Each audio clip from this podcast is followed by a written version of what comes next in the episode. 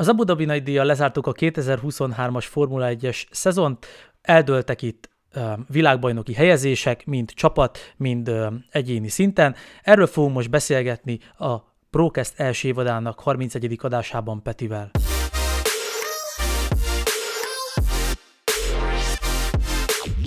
No hát, igazából a versenypályán nem is tudom, tehát volt azért izgalom, de nem igazán az élen, meg nem is igazán a, a, az igazi mély versenyzésben, úgymond, hanem a végére mondhatjuk, hogy a végére egy kis taktikai csencsenben sem befigyelt, ami izgalmasá tette, de hát sajnos nem a konstruktőri és nem is a világbajnoki első helyér való küzdelmet.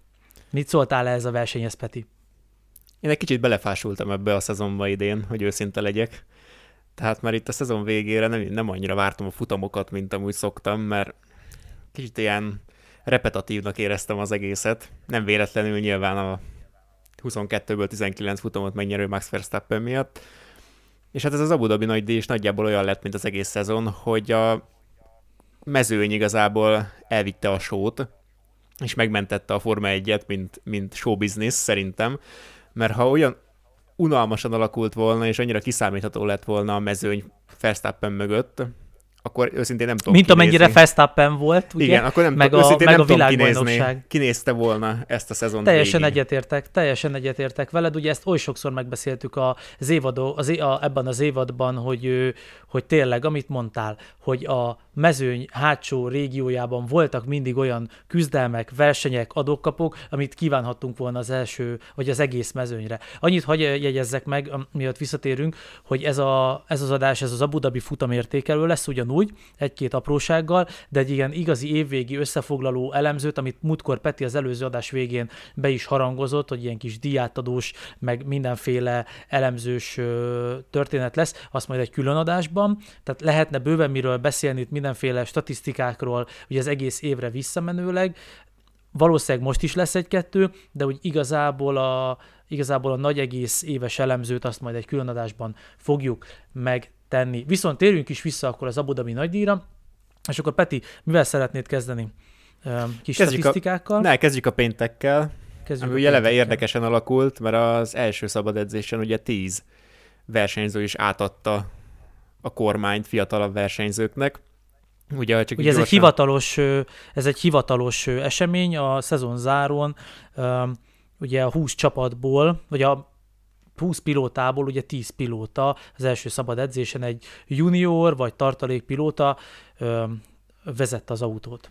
Igen, és ugye például Drugovics ugye a tavalyi F2-es bajnok végül második helyen végzett, ismét kicsit ráerősítve arra, hogy Strollnak egyébként mennyire van helye például ilyen tehetségek, mint Drugovics előtt a mezőnyben.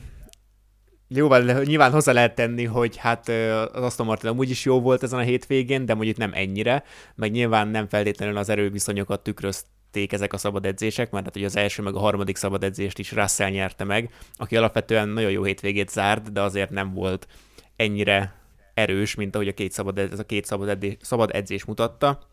Meg hát ugye a két F2-es bajnok esélyes Veszti ugye beült a Mercedesbe, Porsche pedig az Alfa Romeo-ba, és eléggé bizi volt ott a péntekjük, mert 11-től délig ugye az F2-es edzés ment le, utána másfél órával később, egy kis ebéd után beültek a Forma 1-es autókba, egy fél kettőtől fél háromig letudták az első szabad edzést, majd fél órával később visszaültek az F2-esbe, és letudták az időmérőt háromtól fél négyig.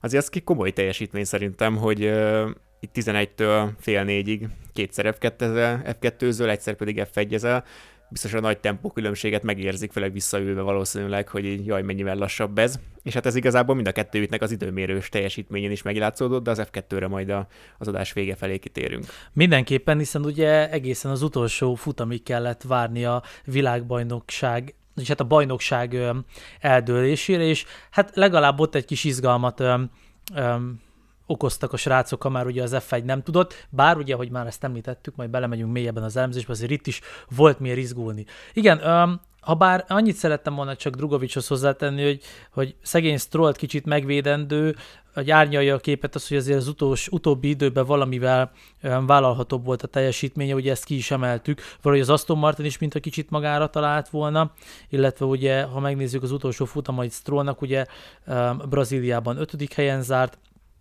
aztán ugye mentek Las Vegasba a Pókmalac alakú pályára.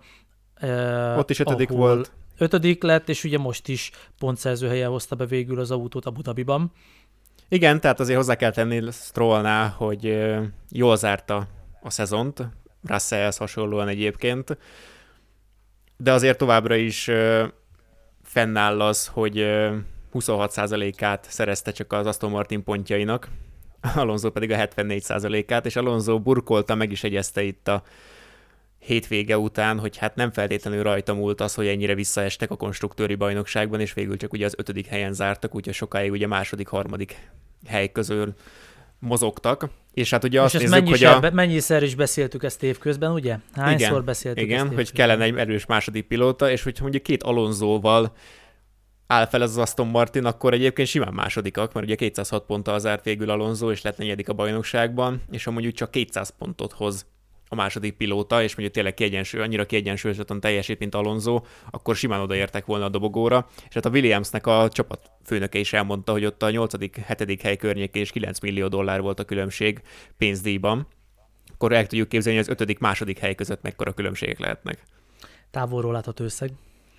Igen, tehát azért plusz az, hogy egy, nyilván olcsóbb, mert fiának biztos nem fizet annyit a Stroll, mint, mint egy rendes pilótának kellene, vagy én nem tudom, nem ismerem a pénzügyeiket, de azért ez, ez nem tudom milyen sokáig fenntartható, bár mondom, itt az utolsó pár futamon azért tudott bizonyítani, és ahogy a Mercedes visszaesett, úgy emelkedett vissza az Aston Martin, tehát kicsit ilyen helycsere volt itt a szezon végére, sőt a szezon végére igazából nekem olyan érzés jelent, mint a visszatért volna a 2022, hogy Verstappen és Leclerc a második, tehát megint itt a utolsó három-négy futamra igazából a Monakói lett a második erő a versenyzőknél. Abszolút. Abszolút, és akkor már felhoztad, akkor beszéljünk egy nagyon fontos témát szerintem, ne húzzuk most ezzel tovább az időt, beszéljük is meg ezt a konstruktőri és ugye egyéni bajnokságot, hiszen gyakorlatilag erről szólt a hétvége, hogy Verstappen és a Red Bull mögött mi fog történni. Először beszéljünk az egyéniről pár gondolatot, ugye azt már réges-régen megbeszéltük, hogy Verstappen az abszolút első, ez mind a tehetségén, mind a tudásán, mind a tempóján meglátszik. Arról viszont már többször vit, ö, nem vitatkoztunk, hanem egyetértő, egyetértve megvitattuk, hogy a, az, a, a világbajnoki ezüst érem, az azt jelenti, hogy te voltál a második legjobb pilóta az évben, és ezt egyöntetően megállapítottuk, hogy ez abszolút nem Perez. Nem azért, mert nem szeretjük a Red Bullt vagy Perezt, hanem mind a tempóját, mind a, mind a, a tudását, a racecraftját nézve, ő nem egy második számú pilóta, és ugye, ha meghallgatta valaki az előző adásunkat, ott tök jól ki is fejtetted ezt, hogyha megnézzük a Hamiltonhoz képest, hogy a, mit teljesített a, a, Perez, a Perez ebben a szezonban is levesszük a, azokat az egyértelmű eredményeket, amikből sokat többet kellett volna hoznia, akkor azt láthatjuk messziről, hogy Hamilton ebben az autóban, ami jóval gyengébb, mint egy Red Bull, sokkal eredményesebb pilótának tekinthető. De ugye Perezé lett a második hely, már ez ugye eldölt sajnos pár futammal ezelőtt, hiszen a Mercedes, hogy szépen lassan emelkedett, úgy végül vissza is zuhant, és ahogy említetted te is, Russell kifejezetten jó hétvégét, illetve jó hétvégéket zárt itt az elmúlt idő, időben, az elmúlt futamokon, de sajnos Hamiltonnak a hétvégi, hétvégéi azok egészen katasztrofálisan alakultak. Igen, Hamilton olyan kicsit olyan érzése volt, hogy kicsekkolt volna itt Mexika után, ahol ugye ez nagyon szép második helyet hozott az utolsó körös leggyorsabb körrel együtt, és azóta igazából volt egy hetedik helye az brazil sprinten, egy nyolcadik helye a brazil futamon, egy hetedik helye a Las Vegas-i versenyen, és egy nyolcadik helye most, és hát egyáltalán nem tűnt erősnek, tehát nagyon próbálták űzni itt, itt Abu Dhabiban is, hogy te vagy a leggyorsabb versenyző a pályán, ami nyilván egy-két körig igaz volt, de azért val- kicsit olyan érzés volt az embernek, mint a csapat is próbálná motiválni, hogy van még értelme annak, hogy itt küzdjünk, és, és oda tegyük magunkat de mondom, nekem picit olyan érzése volt, hogy kicsekkolt volna, ezt jól mutatja az is, hogy Q2-ből egymás után kétszer is kiesett, ugye. Ezt tegyük hozzá, csak így halkan, ugye már beszéltük, ugye Pe- Perez is ugye a, a Perezzel együtt hullott ki Las Vegasban. Igen, és uh, most ugye Sainz esett ki Q1-ben, tehát mindig voltak ilyen csillaghullások az elmúlt versenyeken, hogy kiestek Q1, Q1 Q2-ben a top 3-4 istállók pilótái de ugye itt 2014 óta, tehát lassan majdnem 10 éve nem történt ilyen Hamiltonnal, úgyhogy itt is picit úgy olyan érzésem volt, hogy ő itt ezt így elengedte, örül neki, hogy megvan a bronzérem. Sainz-szal is sem, azt hiszem jó pár éve ő is mindig Q2-es vagy Q3-as eredményt hozott, ezt valahol olvastam, Szóval, jó, de ugye például a Sainz esetében azért ez megmagyarázható volt, majd kitérünk a Ferrari, nem akartam a szabadba vágni, csak hogy Perezt akartam itt felhozni, hogy most is kilencedik lett, hogy, hogy ugye nála azért ez sokszor kevésbé volt megindokolható. Na nem mindegy, még visszatérünk Hamiltonra, illetve a Mercire. Um, hát ja, ugye harmadik lett végül, ezt így sikerült neki bebiztosítani. Szerintem, szerintem ez, méltó ahhoz képest, ami ebben az autóban volt, de valóban nem az év hátralevő részében nyújtott teljesítménye mutatta Hamiltonban azt, hogy akár egy világbajnoki ezüstérem is kifigyelhetett volna neki. Hát igen, főleg, hogy a, mekkora különbség volt közte meg Russell között még itt, nem tudom, az amerikai kontinensre fordulva, és a végén igazából csak 59 pont hátrányban volt Russell, ami egyébként így is elég sok, de így is például 43%-át a pontjaiknak Russell szerezte, és 57 egy Hamilton, tehát ezért kiegyenlítődött itt a végére, még úgy is, hogy Russell csak a második dobogóját szerezte meg most a hétvégén az egész szezonban, ami eléggé vékonyka, így Hamilton teljesítménye mellett, meg ugye a többi pilótát is elnézve, tehát azért az Alpin pilótái is tudtak egyet-egyet hozni. Russell azért itt a mezői, mi az már szezon közepén nem volt túlságosan kiegyensúlyozott. Nem, valóban, de ugye amit egészében a Mercedesről mondtunk, én ezt azért tartom, hogyha megnézzük azt, tényleg messze az egyik legkonstansabb teljesítmény nyújtó csapat és pilótapáros. Valahogy érdekes, hogy, hogy ők úgy alakultak ide, hogy valakinek mindig volt egy hullámvölgye, a másiknak meg egy hullám csúcsa, úgymond, vagy egy csúcsú csúcsa. Tehát ugye amikor Russell most egy kicsit jobban szárnyalt, akkor valahogy Hamiltonnak nem feküdt az autó, ott meg Hamilton tudta gyűjteni a pontokat, Russellnek nem ment igazán, de összességében pont ez mondható el, és ezért um, végzett tehát ott a Merci, majd mindjárt elmétünk a konstruktőrére is, ahol, mert a két pilóta valahogy sokkal konzisztensebben viselkedett hétvégéről hétvégére, és nem volt meg ez a nagy ö, szétesés, mint például most mondtad az Alpin, majd mindjárt megyünk lejjebb a listán, akiknek ugye volt egy-egy jó pontjuk, egy-egy jó hétvégük, aztán meg valahol ott egeréztek a, a sülyeztőbe, vagyis hát ugye inkább ez, ez rosszul a sülyeztő, ugye a középmezőny ö, legelején is, ami meg is látszik, hogy ők befoglaltak oda maguknak egy, egy, egy helyet ott az élcsapatok után, és ők ott, ott, ott el is voltak, ő bennük ennyi volt. De ugye még az egyéninél maradva, Hamilton után Alonso Leclerc pá, ö, páros ugye pont, pont egyenlőséggel végzett, ugye az döntött Alonso javára nyilván, hogy az év elején egy jó, jóval acélosabb teljesítményt nyújtott, mint, mint, mint ugye a Ferrari, meg mint Leclerc, és nem szeretnék végigmenni ezen a világbajnoki pont elemzése, mert ugye erről lesz egy külön adásunk, de ezen a ponton is el lehet gondolkozni azon, hogy vajon ki, ki érdemelte meg jobban, de ter, talán erre majd visszatérünk. Amit itt szeretnék mondani, ami nekem nagyon fontos, az én kis szívemnek, hogy végül azért Leclerc ott végzett Sainz előtt, ahol a helye van és akárki akármit mond, a kimagasló eredmény itt most a lényeg, valóban Sainznak voltak kiugróbb teljesítményei, és ugye erre is van egy statisztika, nem tudom, a zsebedbe van de ha nem, mondom, erről lesz egy külön adás, hogy Leclerc hány futamgyő, ö, kvalifikációs polpozíciót szerzett meg idén, és há, ebből hányat nem tudott ugye futam győzelemre váltani. Hát csak a karrierét meg kell nézni, hogy 23 polpozíciója van, és csak 5 győzelmet, tehát hogy ez az aránya És ez tükrözi jól a szezont is, így van. Ugye ebből az Abu Dhabi nagy díjból is nézett ki úgy egy-két kanyarig, hogy lehet belőle verseny. Csak Leclerc olyan volt, mint tehát engem rendes, már bocsánat, de felidegesített az, hogy Leclerc viselkedett az első körben, mert picit olyan érzésem volt, mintha hagyta volna verstappen és csak azért se szúrt volna oda be, főleg az egyes kanyarban, meg utána az első egyenes végén, és talán a második egyenes már kívülről próbálkozott, de utána az, hogy eléggé elfogyott a dolog, de, de még a nemzetközi adásban is mondták, hogy nem igazán értik, hogy egyáltalán Verstappen hogy tudta megtartani azt a helyet.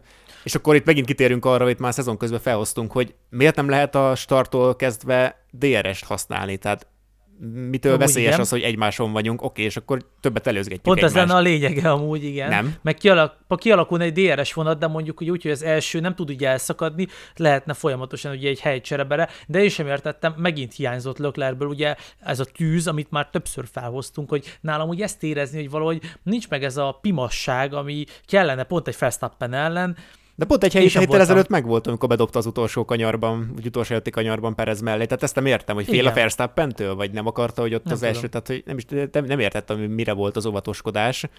Pedig lehetett tudni, hogy ő igazából csak így van esély, és amúgy le is nyilatkozta Lökler, hogy reméli meg tudja előzni a Verstappent, azt nézi a tükröt, de hát magának nem adta meg az esélyt. Minden esetre én örülök neki, hogy ő uh, Sainz előtt tudott uh, uh, végezni. Na most igazából én áttérnék a konstruktőrire, hogyha neked egyelőre nincsen hozzáfűzni valód a, a, a pilóta rangsorhoz, vagy a pilóta álláshoz, mert mondom, ezzel majd egy kicsit részletesebben. Hát a Ferrari párosa volt egyébként a legkiegyensúlyozottabb, tehát 51-49%-ba hozták a pontokat, ugye 206-200, összesen 406 pontjuk lett, és ugye három ponttal, ha már konstruktúrira fordulunk, ugye végül lemaradtak a ezüstéremről. 406 pontjuk lett, és a Verstappennek 575 pontja volt. Na jó, igen. Hátfordulunk a konstruktőrire, így van, akkor ugye azt láthatjuk, hogy a Mercedes végül három pontocskával uh, megverte a ferrari de itt meg kell tapsolnom a Ferrari konstrukt, a Ferrari uh, na basszus, nagyon hirtelen akartam poénos lenni, szóval a Ferrari stratégiáját, Charles Leclerc-et, ugye, aki a csapat helyett képes gondolkozni, és taktikázni, és apukám, ez az egyik legjobb pontja volt, én a Mercinek szurkoltam, de ezt összehozták volna, akkor megemeltem volna a kalapot, amit nem hordok, hiszen tényleg az, hogy ez viszont, amit most elmondtunk a Lökler rajtjáról, ez viszont igaz, nem igaz a versenyéről, hogy ott meg volt benne ez a pimasság és ez, ez a gondolkozás. Az, ez az, hogy 57 körrel később ér volt, ez már hirtelen meg. Igen. Ami egyébként sokkal bonyolultabb hogy Igen. mondjam, dolog lett volna ezt így kivitelezni, kivitelezni. Mert, mert egyszerűen Igen. nem is értettem, hogy most elengedem, oké, okay, és akkor ott maradok rajta, és akkor az utolsó, nem, nem tudom, és akkor közösen elmegyünk 5 másodpercre, Russell-től? Tehát, hogy akkor mi nem csináltam azt, Igen, hogy én is eleve volt... elszakadok 5 másodpercre russell és akkor Perez úgyis utol fog érni valószínűleg, és akkor megelőz, és akkor bekerül kettőnk közé, tehát nyilván ez volt a célja, de... Egy kérdés az, hogy ugye milyen tempó volt a Ferrari-ban, ugye hosszú távon, ugye az volt a terv, hogy majd a nagy tempóval érkező Perezt elengedi, hogy ő elhúzzon, és akkor még ugye nyilatkozta is, hogy még gondolkozott azon, hogy lemaradjon, hogy, hogy a, a Russell-t egy kicsit feltartsa, ugye sportszerű ja, ja. módon nyilván, de egy, ez rizikos lett volna, kettő azért legyünk őszinték, tehát ha most elkezdesz ott kvázi kacsázni, meg feltartani egy Mercedes-t egy Ferrari-val, azért ez nem lett volna szerintem egy szép üzenet, főleg ugye ott volt az a hatalmas Ferrari dom, vagy nem is tudom mi az ott Abu Dhabiban, hát én nem tudom, hogy ezt hogy lehetett volna szépen csinálni, amit ki lehetett belőle hozni, ez volt a legtöbb szerintem, és ezt nagyon jól csinálta, hogy gondolkozott, hogy mit lehetne, ugye állandóan kérdezgette a csapatot, hogy hogy állunk, és ugye volt egy pont, megmondom őszintén, olyan unalmas volt az elő, hogy én belealudtam, a rajt után, nagyon fáradt, fárasztó hosszú hétvégén volt, és fölkeltem, és gyorsan megpofoztam magam, hogy mi történt, és ott, ott, ott, ott, ott utána, amire összeszedtem magam, akkor ott úgy nézett ki az állás, hogy, hogy ők vezettek, ugye mert folyton mutatták nyilván a közvetítésbe, de hogy azt mondták a Mercinek, a, a, a, a Hamiltonnak, hogy hogy, ja nem, a Russell kérdezte, hogy hogy áll a Hamilton, és azt mondták a Hamiltonnak, hogy, hogy, hogy a, azt mondták a Russellnek, hogy a Hamilton a saját versenyét futja, szép kis harcokban van. És Igen, mert Russell megint fontoskodni vissza... akart, ami kicsit Igen, és a Russell visszakérdezett, hogy jó, de gyerekek, ez mit jelent, na izé, és akkor elmondták, hogy eddig minden úgy alakul, ahogy mi akarjuk, és akkor én nem értettem, hogy ez így rohadtul nem úgy néz ki, aztán rájöttem, hogy ugye más taktikán voltak, és ugye a Sainznak a kerékcseréje még nem volt meg, és ezért végül ugye visszaestek. Hát de nagyon riszki volt az, az egész, tehát itt tényleg nagyon sok volt az if, ami végül a Merci javára de nekem kicsit, nekem kicsit furcsa volt ez, hogy ennyire rámentek így az ezüstre, tehát hogy ennyire fontos volt ez nekik, hogy most akkor tényleg második vagy harmadik legyek. Nyilván presztízs, meg ennél a két csapatnál Prestige aztán pénz. tényleg valószínűleg nem. Hát jó, de ennél a két csapatnál most mennyire számít ez a pénz igazából, tehát azért a két Red Bull mellett a két másik leggazdagabb Jó, akkor máshogy szó. fogalmazom, akkor most aki érted a befektetőid, akik lehet, hogy nem nézik minden nap a Forma 1 arra azt tudod mondani, hogy a legdominánsabb és elverhetetlen csapat mögött mi voltunk a leggyorsabbak idén. Ez a kétszer annyi pontjuk lett, de... igen, igen, de ezt, igen, úristen, 860 vs 409, igen, de nem számít. A nap végén ezüstérem, Ö, meg hát szerintem nem volt más. Mibe kapaszkodsz ilyenkor? Jó, persze, nyilván. Tehát azért Sainznak a hibázásai, mondom, hogy az is bele közre játszott Nagyon. igazából itt, hogy elveszítették az ezüst érmet, mert hát ugye a pénteken összetörte az autóját, és utána igazából egyáltalán nem találta a tempót. Ezért zúg, igen, ezért zúgott ki valószínűleg ugye a Q1-ben, és így jó messziről kellett indulnia, Igen. Aztán meg a taktika az egyértelműen arra ment rá, hogy akkor majd hát, ha jön egy biztonsági autó, és akkor minél tovább kint maradunk, ezért is rakták fel az első kerékcserélnél keményre kemény keverékűt, tehát mindenképpen ki kellett jönnie még egyszer, és amikor ugye a Stroll végül utolérte, akkor 11. helyről ugye ki is állt az utolsó körben, ami nekem kicsit olyan fura volt, hogy most ez értem, Ja, de... ja. Tehát bármit, Viszont ki, tehát egy- bárkit kizárhatnak, vagy nem tudom, tehát és akkor kiállsz az utolsó körben. Ja, de hivatalosan vagy úgy lett, hogy befejezte a futamot, szóval. Hát, de De igen, 18-ként, és amúgy- tehát hogy csak a Magnussen, vagy nem is tudom, ki maradt mögött, aki ugye körhátrányban volt annyival.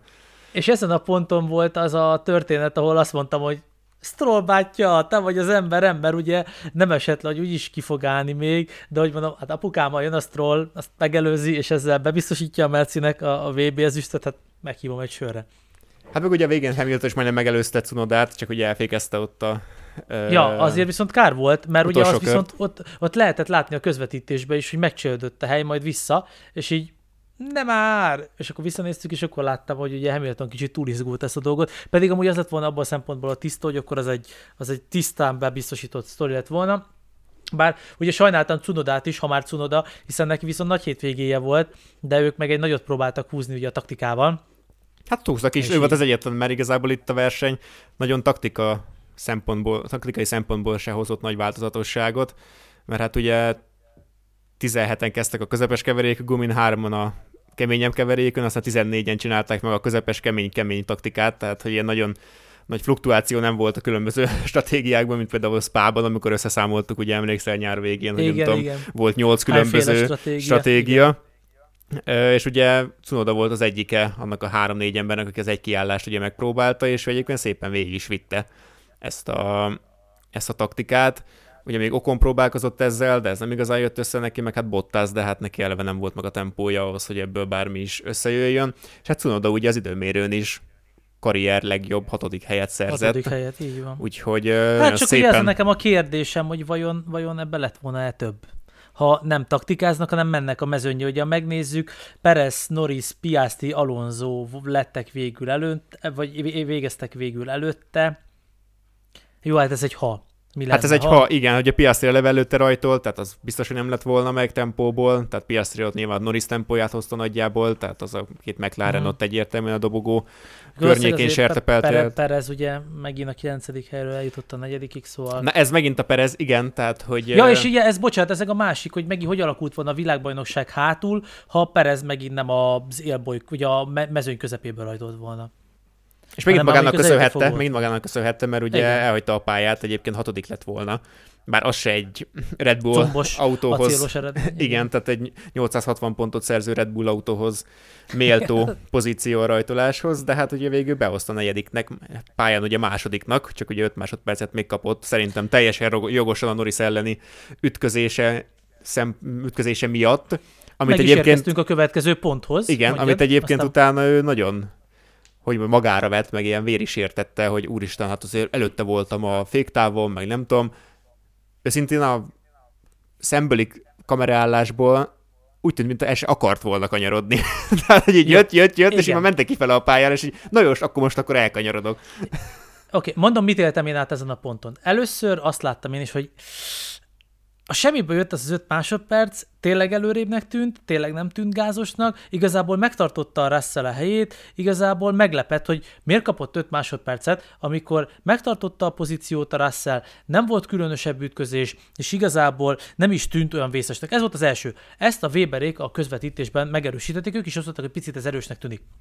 Aztán megnéztem a, a kameraszögeket, amiket te is mondtál, egyértelműen látszott, hogy úgy megint ez egy ilyen bátor kanyar volt, illetve utána hirtelen eszembe jutott, hogy gondoljunk egy kicsit vissza az előző Las Vegas-i futamra. Kikapott pontosan hasonló ütközés miatt, amire azt mondtuk, hogy, hogy jogos volt, Verstappen, hogy kivezette Löklerket. Jó, ott volt pozíciócsere. Aztán kikapott még ösztöt másodpercet, amire én magam azt mondtam elsőre, hogy nem volt jogos. Russell ugye az ütközése miatt. Ott ugye mi történt? Ott nem volt pozíciócsere, ha jól emlékszem, tehát ott ugye mindenki ment a bején. Szóval igazából ebben a kontextusban nézve teljesen öm, konzisztens döntést hoztak azzal, hogy itt is megkapta Perez az 5 másodpercet, hiszen pont most egy héttel előtte láthattunk élő példát, kettőt is, ami nagyon-nagyon hasonló volt, és így azt mondtam, hogy jó, jogos. És megnyugtattam magam, hogy, hogy ez nem dönt el mondjuk világbajnoki öm, helyezést konstruktőri szinten, mert nem ezen fog múlni, mert ez történt előző héten, mindenki megkapta maga büntetését. Csak az a baj, hogy egyébként évekkel ezelőtt ugye bevezette ezt az FIA, hogy hát aki féktávnál előrébb van, annak megvan a joga ahhoz, hogy pozíciót tartson magának a kanyarban, meg a kigyorsításnál, de azért ne jussunk el odáig, hogy azért, mert előrébb Be se kanyarodok. akkor be se Igen. kanyarodok, és kivezetem a másikat, tehát hogy paszki. Igen. tehát, hogy ez De megint az a Pereznél nem volt, nem volt esély ott elkanyarodni. Hát nem, na ez az. Tehát, hogy, a, tehát, hogy az, hogy én előtted vagyok, az nem, nem jogosít fel arra, hogy oké, okay, akkor én most így az egész pályát bejárva kanyarodok be, és te meg akkor old meg valahogy. Hát nem. Meg akkor ez most tök hülye hangzik, most lesarkítom a példát, aztán ne ragadjunk lenni, hogy ugye akkor azt mondom, hogy igazából nyomom, nyomom, veszek egy 50 méterrel későbbi féktávot, random így elfékezem, de nem gumikat elfékezem, csak így kifékezem magam a pályára, de mivel a kanyarban amúgy már előrébb voltam, akkor elvárom, hogy mondjuk a Russell ebben az esetben ne forduljon el balra, amíg én átszágódok keresztbe előtte, majd levágom a pályát is, és akkor ott szépen kimegyek, mert az már nem pályán kívüli előzés, hiszen már előrébb voltam pozícióban. Ez egy ilyen nagyon lebutított példa, de basszus, hát A Norris ellen idáig- egyébként már harmadszor a russell mondtál, de Norris ellen most már kijavítom. Ja, bocs. Semmi Ne, ja, igen, jó, jó, jó, jó, jó, igen. Szóval igen, ez Norris ellen ment. Ez ugye összeakadt a fejembe Las Vegas, bocsánat, igen, Norris.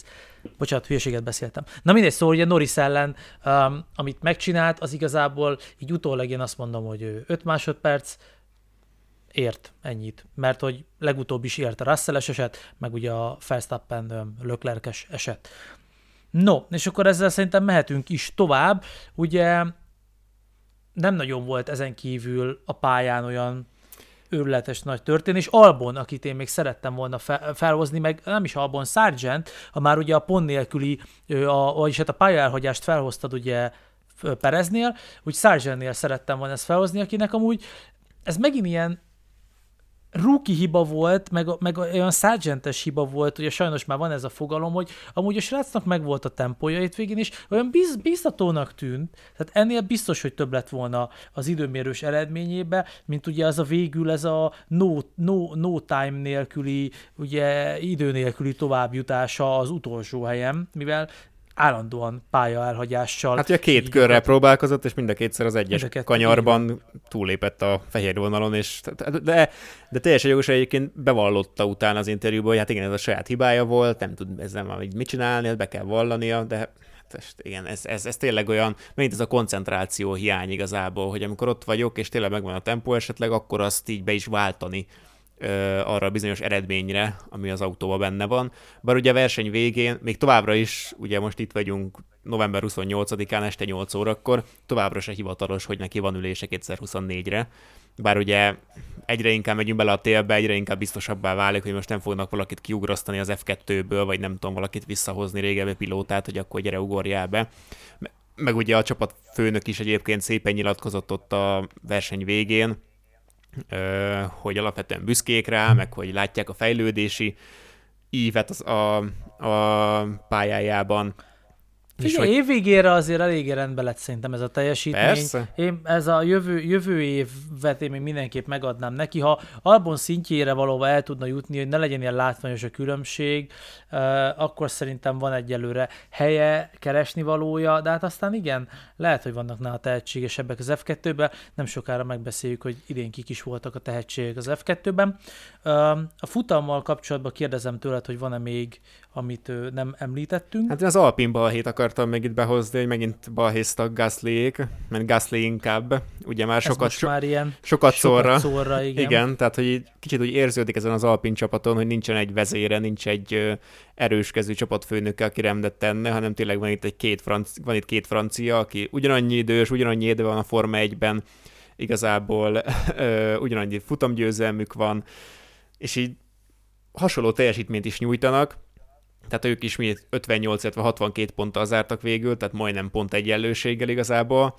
Csak hát ugye Gasly-nál az a japán eset, amikor ö, ugye szándékosan elétették Okont, az továbbra is nagyon a begyében van, és ez is kijött most itt Abu Dhabiban, amikor is elérakták Okont a kiállásoknál, annak ellenére, hogy ugye Gasly tizedik lett az időmérőn, Okon pedig 12 és azelőtt is ugye a kerékcserék előtt is a pályán előtte volt, mégis az undercut-tal Okont elétették, ami Gasly ki is akadt végül, és végül egyébként azért is nem tudta nem tudott okon előtt végezni, mert ugye Hamilton megtorpedózta, amikor elfékezte az egyik kanyart, és akkor a diffúzora teljesen tropára ment, ami igazából Hamiltonnak a versenyét is félig meddig megpecsételte.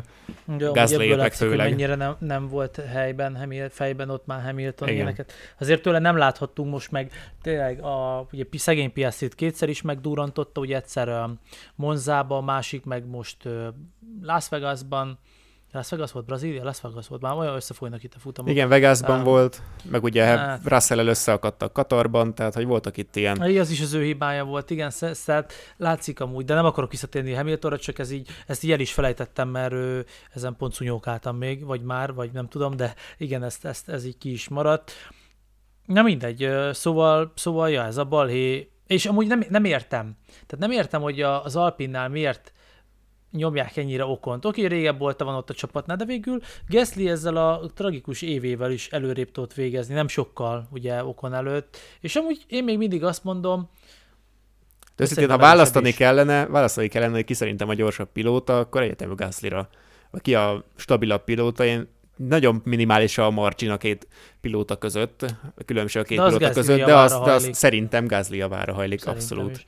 És ugye mit beszéltünk is, hogy valahogy valahogy kicsit több az alázat, hogy, ő, hogy Okont beszéltük többször pontosabban, hogy, ő, hogy ő nem képes beismerni ugye a hibáit, meg ugye a tévés közvetítésben is a Weberek is mindig kiemelik, hogy ez ilyen, ilyen kicsit olyan, nem is tudom mire mondták legutóbb, de ez ilyen kicsit megint olyan szokásos, ki ha nem én volt az okon, és ez tényleg jellemző rá ez a ki ha nem én, én úgyse látom be a hibázok, szóval ilyen kicsit ilyen pökhendibb, vagy olyan fenköltebb a stílus, és ez, ez így szerintem nem áll jól neki, főleg úgy, hogy amúgy szerintem Racecraftban a Gezli erősebb.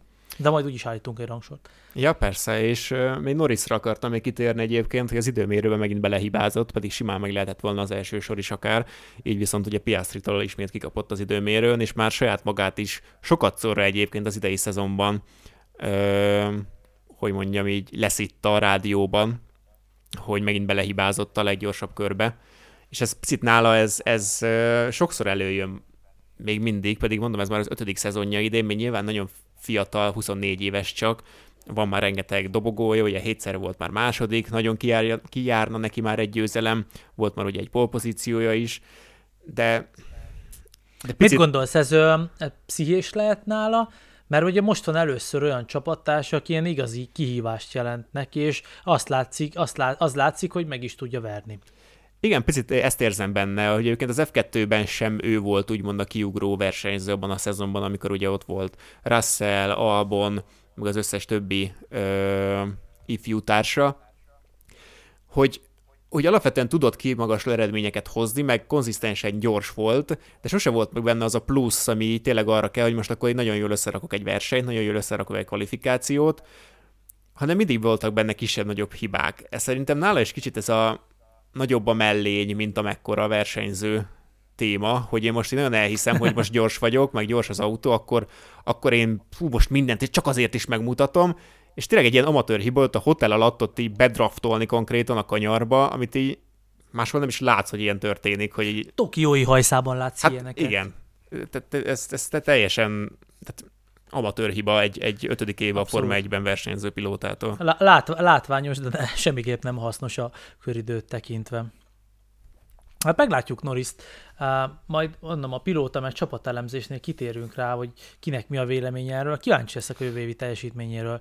És akkor én azt mondom, hogy a, a Abu, Dhabiról, Abu Dhabi kapcsán egy ilyen kis számisztika, ez egy ilyen full not, not official dolog, de ezt mindenképp szeretném megjegyezni visszatérve Felstappenre, hogy megtörtént az, hogy Felstappen a sorozatbani ezer fölött, hogy a Felstappen a, a szezonban ezer fölötti kör számot töltött az élen, tehát több mint ezer, azt hiszem 1003 lett talán a vége, ha jól emlékszem, és ezzel kapcsolatban én csak annyit számoltam ki, mert ez nagyon kíváncsi voltam, de lehet, hogy neked amúgy pont van a talsódban egy pontosabb szám, hogy mert egyszerűen nem volt időm nagyon rákeresni a statisztikákra, de gyorsan összeadtam, hogy az F1 F1 oldalán a sprinteket leszámítva, mert azt a hat sprintet nem tudtam külön megkeresni, de hogyha csak a, a kör számokat összeadod ami az idei futamok nála az F1 applikációban szerepel, akkor egy 1327-et kapsz, ugye nyilván ebből nincsenek benne a sprintek, még egyszer mondom,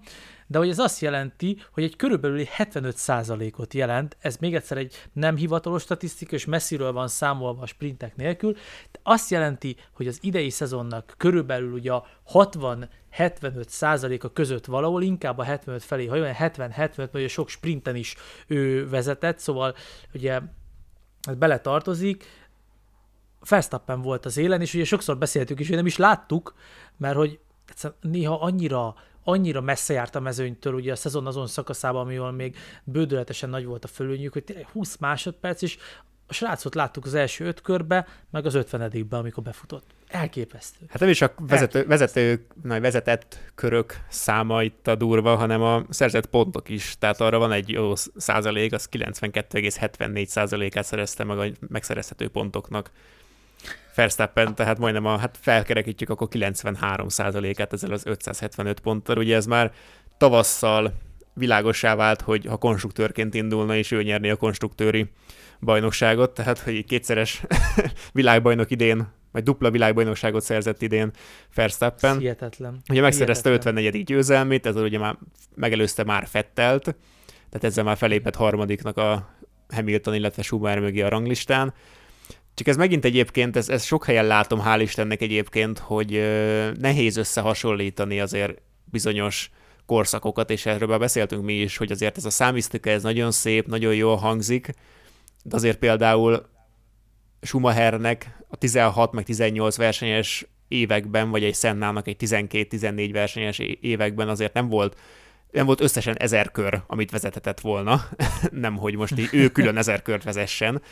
Tehát azért ezeket így nagyon Nyilván, csinyán kell bánni ezekkel a rekordokkal, meg már ez a győzelem igen. rekord is nagyon jól hangzik, hogy 26 évesen, 9. szezonban már majdnem megvan a századik dobogó, meg az 54. futam győzelem, de az, hogy tényleg itt az elmúlt két évben az 54-ből több mint felét megszerezte, az elmúlt másfél évben lassan, tehát 26-28 győzelem, az azért leginkább köszönhető annak, hogy tényleg itt a Forma 1 kezd ilyen januártól decemberig tartó sportá válni.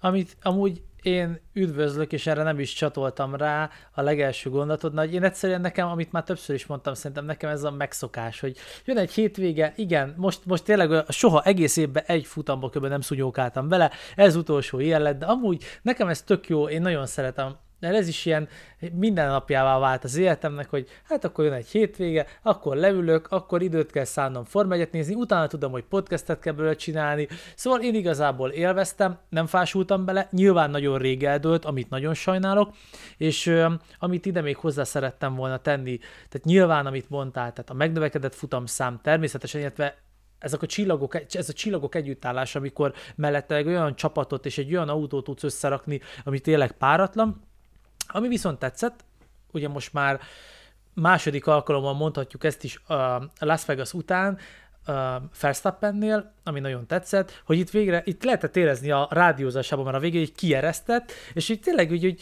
tényleg szép volt srácok, így tudatosult benne ez a rengeteg rekord, amivel évközben ő nem nagyon akart foglalkozni, nem érdekelte, mindig azt mondja, de valószínűleg azért, mikor be, leintették Abu Dhabiban, akkor tudatosultak benne ezek a számok, és, és, és tudatosult benne az is, hogy, hogy, a, hogy, hogy rekordot, tehát nem rekordot, történelmet, tehát hogy ebben a pillanatban ő történelmet ír, és hogy ez egy nagy szó, és lehetett valahogy látni rajta az örömöt, ahogy kiszállt, ahogy beszélgetett a pilótákkal, ahogy gratulált, tehát teljesen más, mint egy átlag futam után, és ez nekem nagyon szimpi volt. Az, hogy burnout volt egyet, és akkor itt meg az nem volt szimpi, tehát szerencsétlen lökre, lökler. Szegény az a csalódottság a hangjában, ami benne volt, hogy azért, ő amúgy is ilyen, annyira, annyira olyan, olyan mint a kiskutyám, Igen. olyan, mint a kiskutyám, ugye, a kis tacskom, ami, aki állandóan úgy tud nézni, mint aki ilyen akar pusztulni, még akkor is, hogyha amúgy rommá elteted, és a, és a könyörgés a szemébe, hát Löklernek meg a hangjában van állandóan ez a könyörgés, amikor elszúr valamit, akkor már kb. sajnálod. És akkor most is így mondták, hogy milyen módba rakja az autót, ő berakta abba a módba, és akkor kérdezte, hogy na, és akkor megismételték neki, és akkor mondta, hogy oké, srácok, tudom, nem az érdekel, hogy milyen módba kell lenni, hanem az, hogy hányadikak lettünk, elmondták, hogy tehát nem lett meg csak a, a bronzérem, és akkor, á, mm, és akkor izé, nyomok egy burnoutot a célgyenesbe, na, ne, ne nyomjál burnoutot. Amúgy miért? Sajnáljátok ezt az autót, vagy ezt a motort, vagy mit akartok jövő évben ezzel a talicskával kezdett? Egy kalap szart nem érez az autó, majd kipipálom, hogy explicit nem számít. Um, tehát érted? És szegénynek minden örömét elvették, Hát nem értettem amúgy, de mindegy. Szóval viszont verstappen meg lehetett látni egy ilyen évvégi lelazulós boldogságot, hogy tényleg úgy vége, szerintem neki tényleg tele volt már hócipője, ezzel a rengeteg futammal, meg a sprintekkel, meg mindennel, és valahogy nem tudom, szimpi volt, hogy ilyen, tényleg ilyen boldogan és örömködve zárta le az évet, nem ez a befásult rádiózás, amit mindig felhoztunk. És ugye láttuk azt is, hogy milyen kellemes kis csapatvacsorát nyomtak, ezeket mindig olyan jó látni, amikor kicsit elfelejtett, hogy ők harcolnak a pályán, meg így kvázi utálják egymást, nem így, amikor ott vannak, és el tudom képzelni, hogy tök jó olyan kis nagy csapatos, haveros beszélgetés, amit ugye összehozol így az év végén, karácsonykor ez az össze. Hát nem volt akkora, nem volt akkora, mint tavaly ugye ilyenkor Fettel búcsú bulián, de azért menjen. Ja, ja, ja. 10-11-en azért összegyűltek. Tudtak a Mercisek, a Ferrarisok, a Alfások, Gasly is ott volt, tehát a jobb arcversenyzők ott voltak, hogy mondja.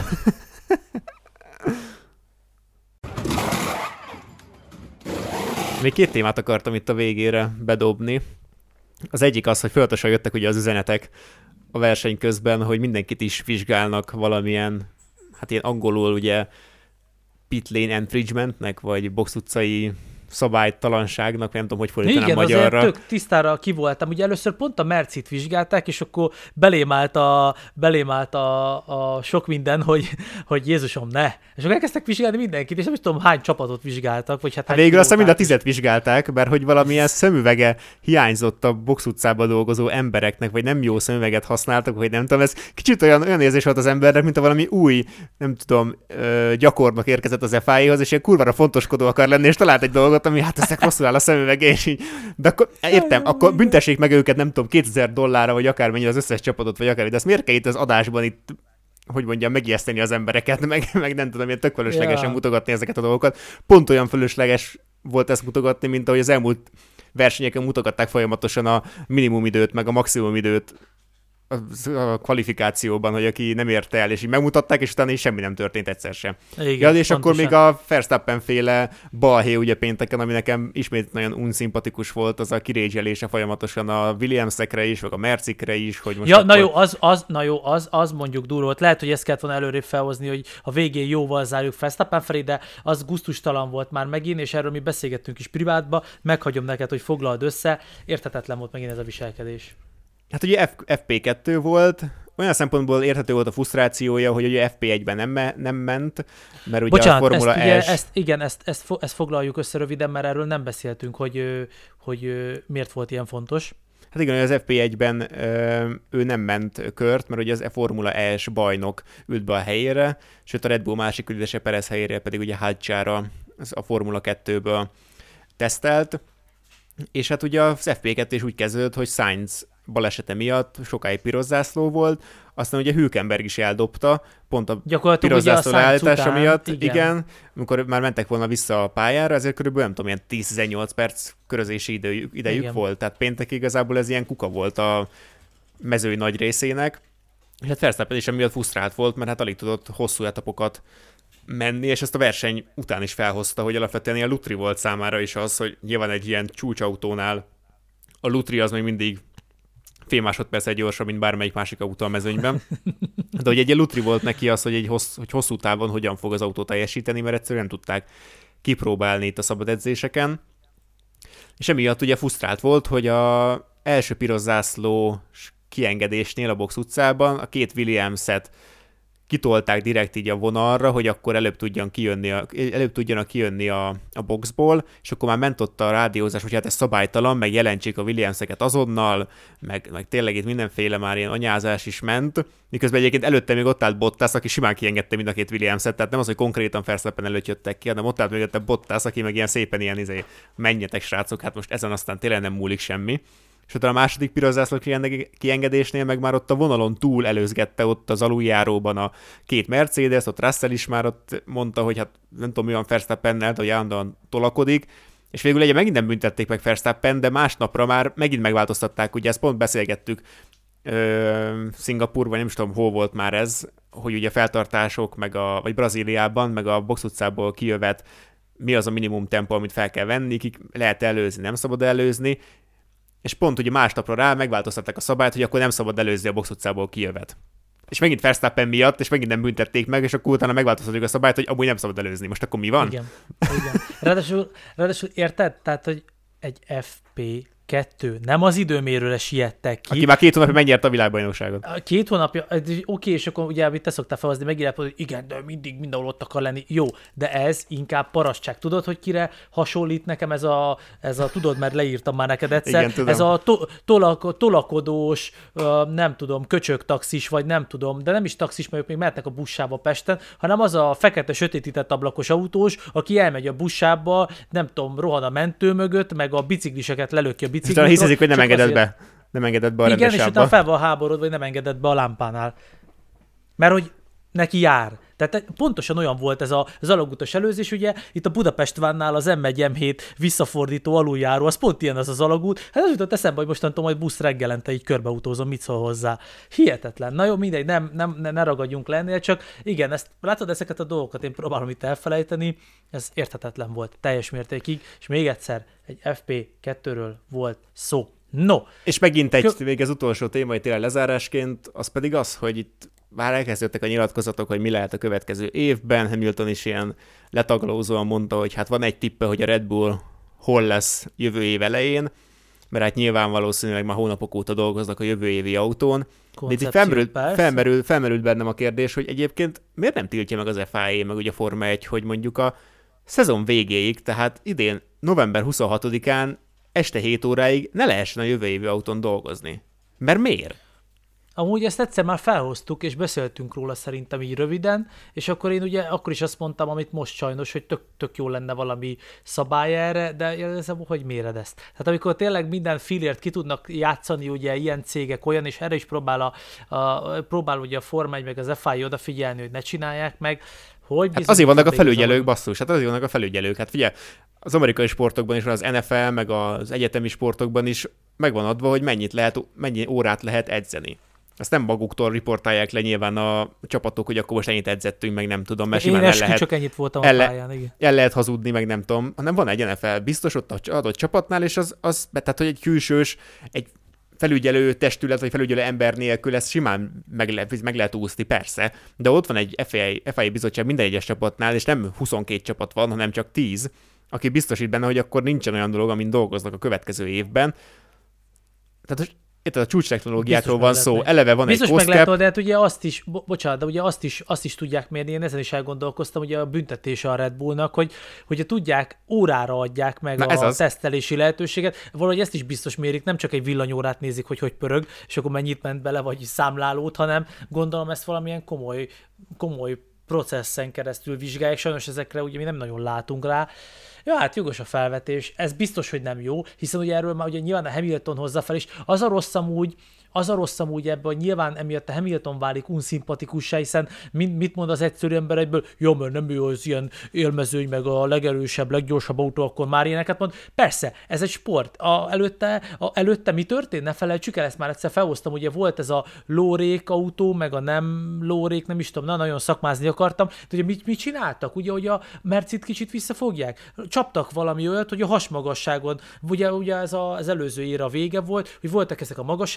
autók, meg az alacsony, ami közel ment a földhöz, ez volt a lórék, most a másik az hájrék volt, nem, nem jut eszembe, mindegy, hogy azon változtattak valamit, és ugye Totó akkor lenyilatkozta, hogy ez a szabály egyértelműen azért jött, hogy minket lassítson. Mindig vannak ilyenek, és igen, ebben egyetértek a Hamilton, bármelyik másik pilótával is egyet tudnék érteni, hogyha ha, ha egy csapat az, az év felénél eldöntötte a világbajnokságot, és tudjuk, hogy a jövő évi autót kezdik el fejleszteni, akkor hiába van ez a, az egyenlő eloszlás, ugye, hogy a legtöbbet, a legtöbbet az első csapat tesztelt a legkevesebbet, és ugye visszafele egy csomó ilyen komponensnél.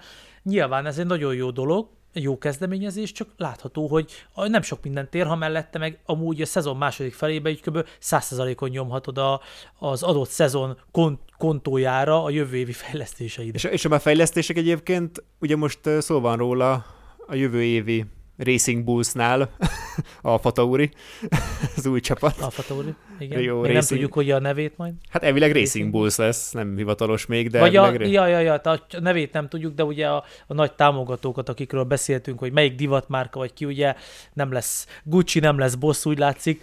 Igen, de ugye Meglátjuk. ott is Horner már így kijött, hogy hát nem lesznek rózsaszín Mercedes, ami ugye régen a Forza India, meg Racing Point, meg ezek Racing voltak, Point. ugye, amikor egyértelműen lemásolták a Mercedesnek az autóját, de e- e- ebbe belegondolva, hogy mi nem lehetne egy olyan koncepciót egyébként kialakítani, ami szerintem még közelebb hozná a középmezőnyt az élmezőnyhöz, meg a, meg a hivatalos gyártókhoz, meg ettől kezdve valószínűleg kisebb csapatok is könnyebben tudnának bejönni a, a Forma 1 ami egyébként cél is, nyilván most beszélünk az Andrettiről, meg, meg a, a Hát bár ugye nem csapatokról. cél, ebbe most nem menjünk bele, hogy ez egyik oldalról nagyon nyomják, a másik oldalon meg rohadtul keresztbe raknak, hiszen ugye nem halad ez a sztori megint, mert ugye a pénz, pénz, meg nem mindegy, a csapatok se akarnak 11. csapatot, mindegy. Na mindegy, de térjünk vissza erre a témához, hogy hogy alapvetően a MotoGP-ben például tök jól működik, hogy megvannak az alapvető gyártók, nyilván a Hondának van egy gyári csapata, a Yamahának is van, a Ducatinak is van, az Apriliának is van, a KTM-nek is van, de mindegyiknek vannak ilyen fiók csapatai, ahol egyébként tudják a tesztelni azokat a dolgokat, amiket később a gyári csapatnál fel fognak használni. És egyébként simán benne van, hogy a Red Bull is ezt fogja csinálni az Alfa Taurinál, vagy már csinálja egyébként most is, simán benne van. Elég a... szépen megemelkedett ugye az Alfa Tauri a második felébe a szezonnak, szóval Hát igen, tehát hirtelen megérkeztek, és nem véletlenül harcolhattak végül a hetedik helyért is, úgyhogy sokáig egyébként a tizedik helyen álltak, bőven lemaradva még a kilencedik háztól is. Tehát azért elég előre ugrottak. De miért ne lehetne ezt is megcsinálni, hogy akkor oké, ott teszteljük. És simán benne van a pakliban, ahogy idén is megvolt a MotoGP-ben például, hogy a nap végén egyébként egy szatellit csapat ö, harcol a gyári csapat ellen, és egyébként a szatellit csapat lett végül a világbajnok. Igaz, hogy Ez végül a- egyébként bányája ugye a, a Ducati gyári csapatával lett világbajnok. De attól függetlenül nem az van, hogy akkor van egy gyári csapat, a Ducati, ahol a, a két versenyző, vagy az egy versenyző ledominál mindenkit, hanem van négy másik szatellit Ducati csapat, akik fel tudják vele venni a harcot. Az előző évi függetlenül- motorral mennek, Igen. viszont egy csomó olyan- fejlesztéssel, ami ugye lehet, hogy sokkal nagyobb, viszont ugye az élcsapatnál nem merik bevetni, és akkor... Ez szerintem egy tök jó koncepció. És de ugye hát- ez sok, megérné fiók csapatokat tartani, és ha az lenne a cél, hogy jöjjenek csapatok, ami nem cél, de ha lenne, akkor ugye lehetne, hiszen a Ferrari-nak ugye van egy ilyen házjellegű dolga, ugye van az Alfa Tauri a Red Bullnak, vagy hát Racing Bulls, tehát nyilván lehetne, lehetne ez még több helyen ilyen koncepció. Ja, hát nyilván mindegy. Ezek tök jó elméletek, reméljük, hogy valaki hallgat minket az FI-tól. Lehet, hogy feliratoznunk kéne lassan ezt a műsort, aztán mehet YouTube-ra. No, rohan az idő, statisztikázunk egy kicsit, Peti. Ilyen készítem egy kis kvizzel neked, hogy mennyire figyeltél Remek, itt leje- a szezonban, meg hogy hogyan végződött a szezon. lejárathatom magam itt a hallgatók előtt. Én, aki arra sem emlékszik, hogy ha, ha Perez kitolt le a pályáról az Abu Dhabi nagy díjon, látod? Ilyen nagyon, nagyon, nagyon, nagyon, hogy mondjam, próbáltam ilyen reális ö, statisztikákat beépíteni, mert abból kiindulva, hogy hogy a tavalyi szezonhoz képest kivel, ki mennyivel többet szerz, pontot szerzett abszolút értékben, az elég nehéz összehasonlítgatni, de hogy például százalékban hány százalékkal, tehát a tavalyi pontjainak hány százalékát szerezte meg, az már úgy mindjárt egyszerűbb, és egyébként meglepő, hogy csak négy csapat szerzett több pontot idén, mint tavaly, és ha tippelnél, akkor melyik ez a négy csapat? Aki több pontot szerzett, mint tavaly? Igen. Hát egy nagyon egyszerű, akik egyébként a legtöbbet szerezték a tavalyihoz képest. A, várjál, aki, aki több pontot szerzett, mint tavaly. Hát gondolom a Red Bull többet szerzett, mint tavaly, nem? Igen, de csak 13%-kal, tehát amúgy ahhoz képest nem sokkal, mint nem, tavaly. Aha, hát már tavaly is erősek voltak. Hát szerintem amúgy a Williamsnek jobb szezonja volt, mint tavaly. Ők 350%-kal szereztek több pontot, mint oh. tavaly. Jó, jó, ez a De van egy még durvább, van egy még durvább. Hát Igen, gondolj na bele, ki várjál. az, aki nagyot ugrott elő idén. Ja, hát a, a, a McLaren? Is, ők 190%-kal. Jó. És akkor ugye az Alfa Tauri. Mm-mm. Vagy nem? Nem, jó. Ugye az Alfa Romeo biztos, hogy... Jaj, de hülye vagyok, jó van, Aston Martin, bocsánat. Jó, Igen, az. Aston Martin, ők 509%-kal szereztek több pontot, mint tavaly. De hát azért van-e Hát fejlődés. akkor ez volt a sorrend, az Aston Martin, utána Williams, a Williams, McLaren, illetve McLaren és akkor Red Bull. És Komoly. ugye a legtöbb helyezést a Williams lépett előre a tízben, tehát hogy tavaly tizedikek voltak, idén már hetedikek. Hetedik, Legtöbbet igen. pedig Alfa Romeo esett vissza, hogy a hatodikból végül csak kilencedik helyen Hát- végeztek. Az Alfa egyébként tényleg ilyen beleszürkült itt abszolút a Annyira mezőnybe, főleg a tavalyi évhez képest. Ez a se lepett volna meg, a tizedikek lennének, mert ebből még a háznak kiugró eredményei voltak, ugye a, általában hülkember révén az időmérőkön, tehát hogy több wow effektust láttál nagyjából a, hű, a háztól idén, mint a... De ami nagyon meglepő, ugye, hát az nem meglepő, hogy a legnagyobb fejlődés abszolút értékben az Astoné, ott 225 ponttal szereztek többet, mint tavaly, de ki a legnagyobb visszaesés abszolút értékben? Alpin? Nem. Nem. Akkor nem tudom. Hát ugye Fer- tavaly is. Ferrari. Ferrari? Oh. 148 ponttal kevesebbet szereztek, mint tavaly. Ugye tavaly ők lettek Igen, a másodikak. nekik- Ta, ja igen, és ugye tavaly azért nekik elég erősen indult talán a szezonnak az első fele. Uh, ó. Hát igen, az ember nem gondol rá, hiszen így is ott voltak a konstruktúri második helyért harcolva. Persze, igen. Vagy most azon gondolkozom, hogy az év elején pont, hogy erről beszéltünk, nem? Hogy a, az első pár futamértékelő egyikében beszéltünk róla, hogy tavalyhoz képest hogy szereztek pontot idén a Ferrari pilóták, igaz? Igen, hogy igen, hogy pár futam után szerez, szereztek annyit, mint tavaly, nem tudom. Igen, most már így, így, így, így oké. És egyébként ami vicces, hogy a Ferrari, a Merci és az Alfa Tauri is mind a három kevesebb pontot szerzett, mint tavaly, de előrébb lépett a bajnokságban. Tehát ugye a Merci Ferrari az helyet cserélt, az Alfa Mhm. Tauri meg bőven előrébb lépett, úgyhogy kevesebb pontot is szerzett összesen. Ez is picit egyébként azt mutatja, amit itt a adás elején is mondtunk, hogy a mezőnyben egyébként kiegyensúlyozott volt, meg változatos volt egyébként a, az egész szezonban a mezőny a Red Bullhoz képest, és nyilván az a kevés pont, amit nem a Red Bull szerzett meg, az így eloszlott a csapatok között sokkal jobban, mint például 2022-ben. Igen. Jó, így a versenyzőkre is kicsit kitérjünk, hogy nyolc versenyző egyébként javított helyezést a tavalyi rangsorhoz képest, és kilépett elő a legnagyobbat. Melyik pilóta lépett elő a legnagyobbat? Aki a hátán vitte a csapatát. Ja, hát Alonso. Alonso egyébként, el, Alonso is ott volt a top 2-ben, 5, hely, öt helyet lépett előre ő is, de azért az Alpinnál jól teljesített, ugye tavaly is hozott dobogót. De van egy, aki Igen. még ennél is többet, ötnél több helyet, hat helyet javított 2022-höz képest. Ki? Hátán vitte a csapatot. Hát Albon. Ja. Ja. Na igen, ugye 13. lett a konstruktőri um, bajnokságban. És ki a legkiegyensúlyozottabb versenyző a mezőnyben? Hát Zsó, aki tavaly is 18 lett 6 ponttal, és idén is 18 lett 6 ponttal. Ilyen konzisztens versenyzőt még nem láttál, hallod? hát, ja, ő, ő tényleg az.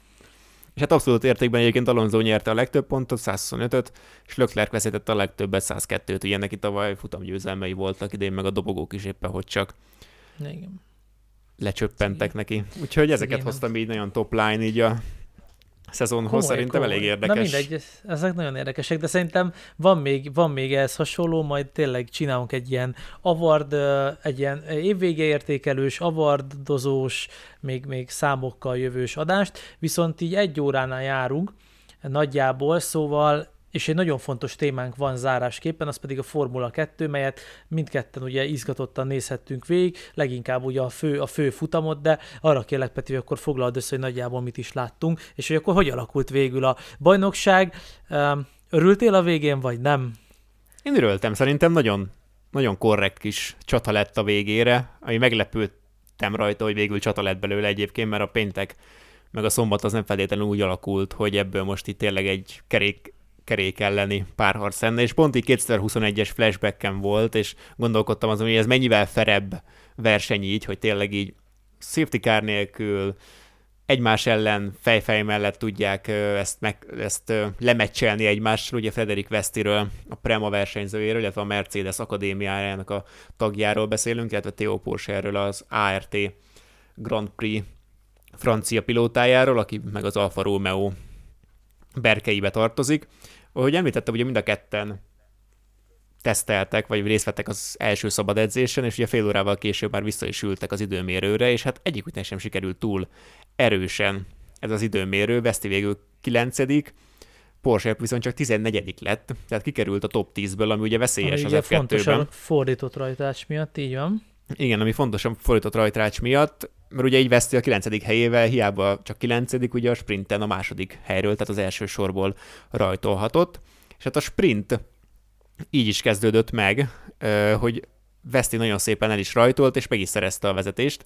Viszont a első egyenes végén megelőzték hárman is, há, megelőzték őt hárman is, és visszaesett negyedik helyre, ami után egyébként biztonsági autó bejött, úgyhogy negyedik helyen volt csak körökön keresztül, ami veszélyessé tette az ő bajnoki hajszáját olyan szempontból, hogy akkor az utolsó vasárnapi főfutamra már nem lett volna feltétlenül esélye azok alapján, hogy Porsche előre tört, hogy megszerezze a bajnoki címet. És hát a rádióban is folyamatosan űzték, hajtották, hogy igazából nincs veszíteni valója. Fittipaldi, aki ugye vezette a versenyt, ő is mondta, hogy hát figyelj, nekem sincs. Tehát kicsit olyan de nem igazán, nem, nem féltették egymást a srácok, de hát ez a fiataloktól igazából ezt is várná az ember. Tehát Porsche is egyébként a 14. helyről szépen jött előre, mert rajtnál ugye 9. volt, majd végül ugye Malonit és Ivását is megelőzve hetedikként futott be, egy két pontot ugye ő is szerzett. Egyébként az ART nagyon ravasz volt, mert a Martens ilyen teljesen csöndben ugye Porsche csapattársát kihozták, és olyan érzésem volt, mint hogy szándékosan elpróbálnák venni veszítől esetleg a leggyorsabb kört, ami végül egyébként nem sikerült, tehát itt ment a taktikázás csapaton belül is, mert egyébként a Prema meg az ART is küzdött a bajnoki címért, tehát nem csak az egyéni, hanem a csapatbajnoki cím is még kérdéses volt itt az utolsó hétvégén.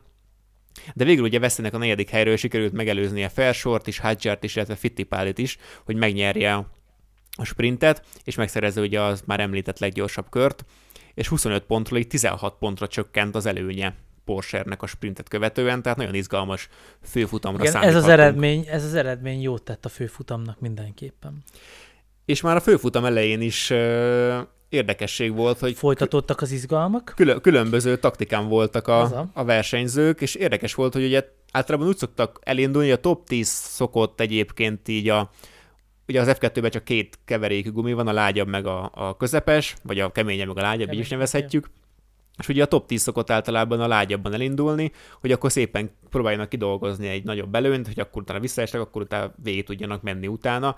A hátulról jövők pedig fel szokták rakni a keményebb keveréket, és minél később kijöve, ugye visszaesve a mezőnybe, frissebb és lágyabb keverékű gumikkal próbáljanak minél több helyet visszaszerezni a verseny végén. Viszont ez itt változott, mert Porsche a 14. helyen rakta fel a lágyakat a rajthoz, Fred, uh, Frederick Vesti pedig a közepeseket a 9. helyről, úgyhogy teljesen megfordult ez a általában használt taktika itt az utolsó versenyre, és hát Porsche ugye a hatodik körben már ki is jött, így 27 kört kellett teljesíteni ugyanazokon a, ugyanazokon a közepeseken, Veszti viszont ment 23-at ö, az első etapban, és pont egyébként ö, Porsche mögé jött vissza a boxkiállásokat követően. És egyébként Porsche ez az undercut egyébként működött is, amivel próbálkoztak, és a hetedik helyre tudott visszajönni a kiállásokat követően, így Veszti ugye nyolcadikként jött vissza tíz köler a vége előtt. Na és akkor jött az a párharc, ami igazából Porsche, ugye beszélgettünk róla, hogy Porsche nem annyira letaglózó versenyző, nem az a hatalmas kiugró teljesítménynyújtó versenyző, aki tényleg egy sorra nyeri magát, meg, meg hogy mondjam, ilyen csúnya, csúnya szóval megalázza a, a versenytársait, versenyzőtársait. Hát nem, nem, nem, nem tűnik ki így a, az agressziója, se a tempója, se, vagy az agressziót itt jó értelemben értem, hogy amit hiányoltunk most Löklerből, tehát hogy nem, nem tűnik ki így a mezőnyben azzal, hogy ő tényleg ilyen nagy húzásokkal, nagy előzésekkel ugye törne előre, és abszolút világbajnok lenne a szezon végén, vagy hát bajnok. De, ott, de ugye itt, a, hogy Veszti kijött mögé, szinte biztosra vettük, hogy hát az a következő körül meg lesz neki, hát majdnem 10 körrel, lágy, 10 frissebb körrel frissebb gumiai vannak, meg ugye lágyabb keverékű gumi is volt fent nála, viszont a 25. körben, amikor utolérte, utána még két körön keresztül egyébként Porsche nagyon szépen maga mögött tartott, hogy az első egyenesbe Veszti mindig megelőzte, a másodikba pedig Porsche szépen visszaelőzte.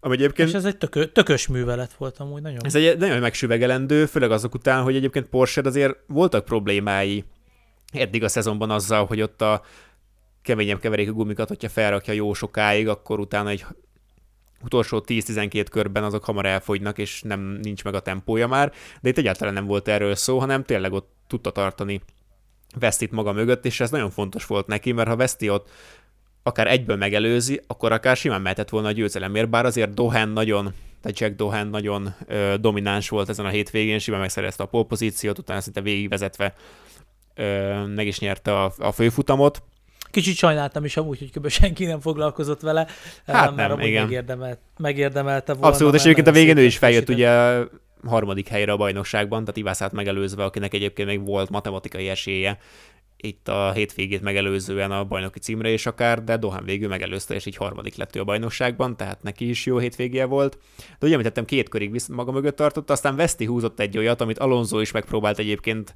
Hamiltonnál, hogy inkább maga elé engedi az első egyenesben, hogy mennyire csak, oké, okay, nem előzlek meg, és akkor a második egyenesben meg visszaelőzlek. Bár Alonso egyébként inkább féktesztelte Hamiltont, ami kicsit fura is volt. Veszélyes volt amúgy, igen. Hamilton mondta ezt, hogy fake test volt, de hát ez egyértelműen látszott, hogy félrehúzódott, hogy elengedje, de igen, azért ez egy veszélyes művelet volt, na mindegy. De mindegy, de Veszti ezt behúzta, és a 27. körben végül meg tudta előzni. És a végén ugye Vesztégy a harmadik lett, hogyha felért a dobogóra, Porsche pedig az ötödik. Bár a végén azért Vesztének volt egy ilyen elég meredek manőver ott Malónival az, az szemben. volt, bár ez a, ott ez a mindegy minden volt, tehát ott nyilván az, hát az utolsó kör, igen. utolsó kanyarjaiba, ott már az a mindegy minden kategória volt. Ugye ezzel, hogy harmadik, illetve ötödik helyen zártak, ezzel ugye Porsche lett végül a bajnok. Hát mindenképpen szóval jár neki a taps.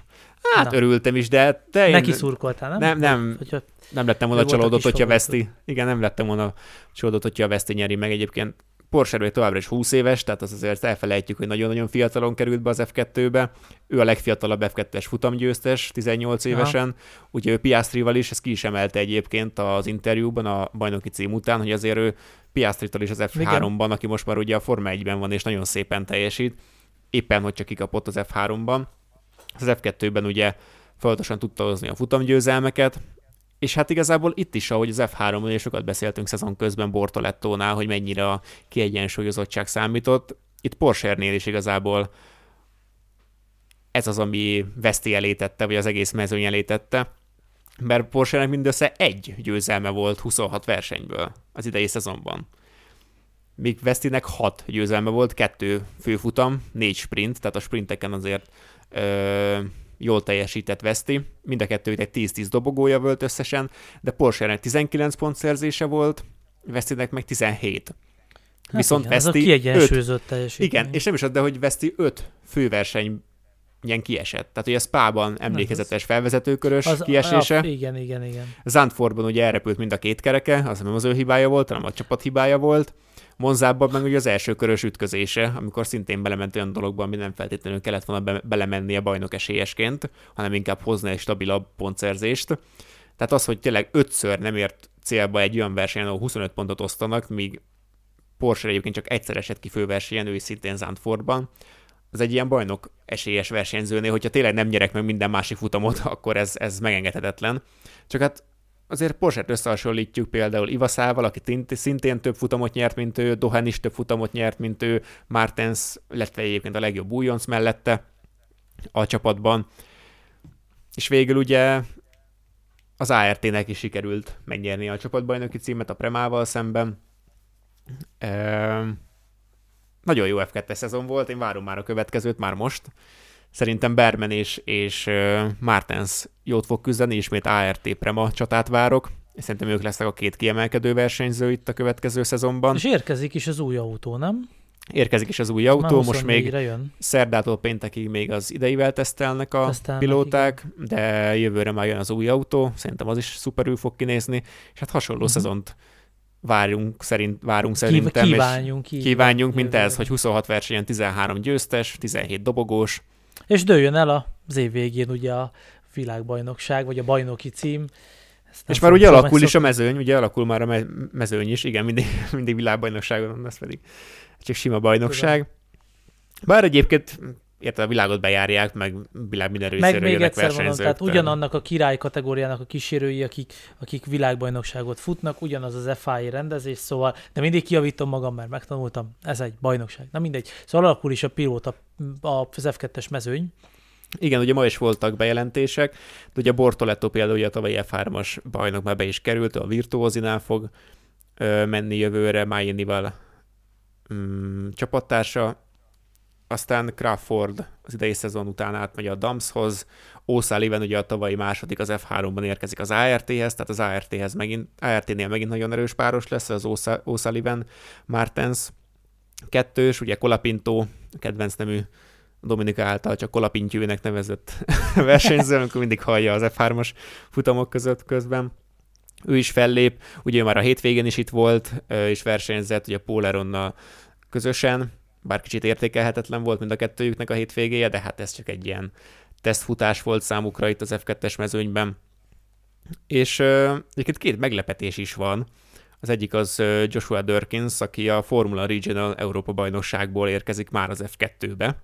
És a, és a komoly ugrás. Saruznál fog versenyezni, illetve Kimi Antonelli, aki a Premához jön egyből. Tehát azért a Prema azt tudjuk, hogy ez a Red Bull, vagy legalább a ferrari az F2-nek, top-top csapata, és ő ez a 17 éves, és ő is a Formula regionális bajnokságból érkezik ebből az F2-be F3 nélkül. Érdekes lesz őket figyelni, mert nagy tehetségnek így érkezhetnek, hogyha így döntött, főleg egy Prema. És, a, és egyébként a Kimi Antonelli Kimi eleve jó neve van egyébként, tetszik. De ő Merci akadémista egyébként, tehát hogy 17 évesen már felkarolta a Mercedes. Csak eddig nem lehetett róluk hallani annyit, hogy most úristen, nem tudom, csúcs tehetség érkezik, és ez, ez teljesen meglepő. Én ilyet még nem is igazán láttam, hogy egyből F2-be lép valaki F3 nélkül, főleg ilyen fiatalon. Mert, mert a Dörkinsnél még megértem, ő már 20 éves, meg már sok évet töltött a Regionalban, de azért pont így megvannak a lépcsőfokozatok, és akkor ez picit az ilyen beellőzésnek tűnik, tehát például egy mini, akiről ugye beszéltünk, hogy F3-as bajnok lehet jövőre, őnek még továbbra is várnia kell a sorát, egyébként szerintem nagyon helyesen is, mert azért nagyon sok újonc hibát vétett az idei szezonban, de például ki tudja, hogy jövőre lesz neki hely egy ilyen nagyobb csapatnál, hogyha a 17 éveseket Igen. már berakják egyből az F2-be. Ne, hát megnézzük majd, hogy nem, nem sül ezzel visszafele. Tehát azért nyilván a mini sem a, az utcai autóból ült be például egy F3-as autóba, tehát oké, hogy valaki regionális bajnok, de az nem azt jelenti, hogy az F2-ben tüdököl. Aztán ki tudja? Lehet megcáfolni. Meglátjuk. Meglátjuk. De ezekkel az gondolatokkal én azt mondom, hogy búcsúzunk el mára. Ugat a kutya a háttérben, szóval valószínűleg ő is ilyes. Én is az vagyok itt az esti órákban. Én azt javaslom mindenkinek, hogy ha még nem tette meg, akkor hallgassa meg az előző adásainkat, kövessen be minket Instagramon, mivel már ott is jelen vagyunk. Ezek, ezekkel a platformokkal fogunk most már végigmenni az évben, de jövőre majd azért ezeken így upgrade-elünk, és megjelenünk más platformokon is, de addig Spotify-on előző adásainkat tudjuk javasolni nektek, ha ezzel készen vagytok, illetve hogy Instagramon kövessetek minket, és hallgassátok az adásainkat szeretettel. A következő adásig mindenkinek minden jót kívánunk, már a szép estét, vagy szép napot, ha napközben hallgatjátok. Legközelebb találkozunk. Sziasztok! Sziasztok!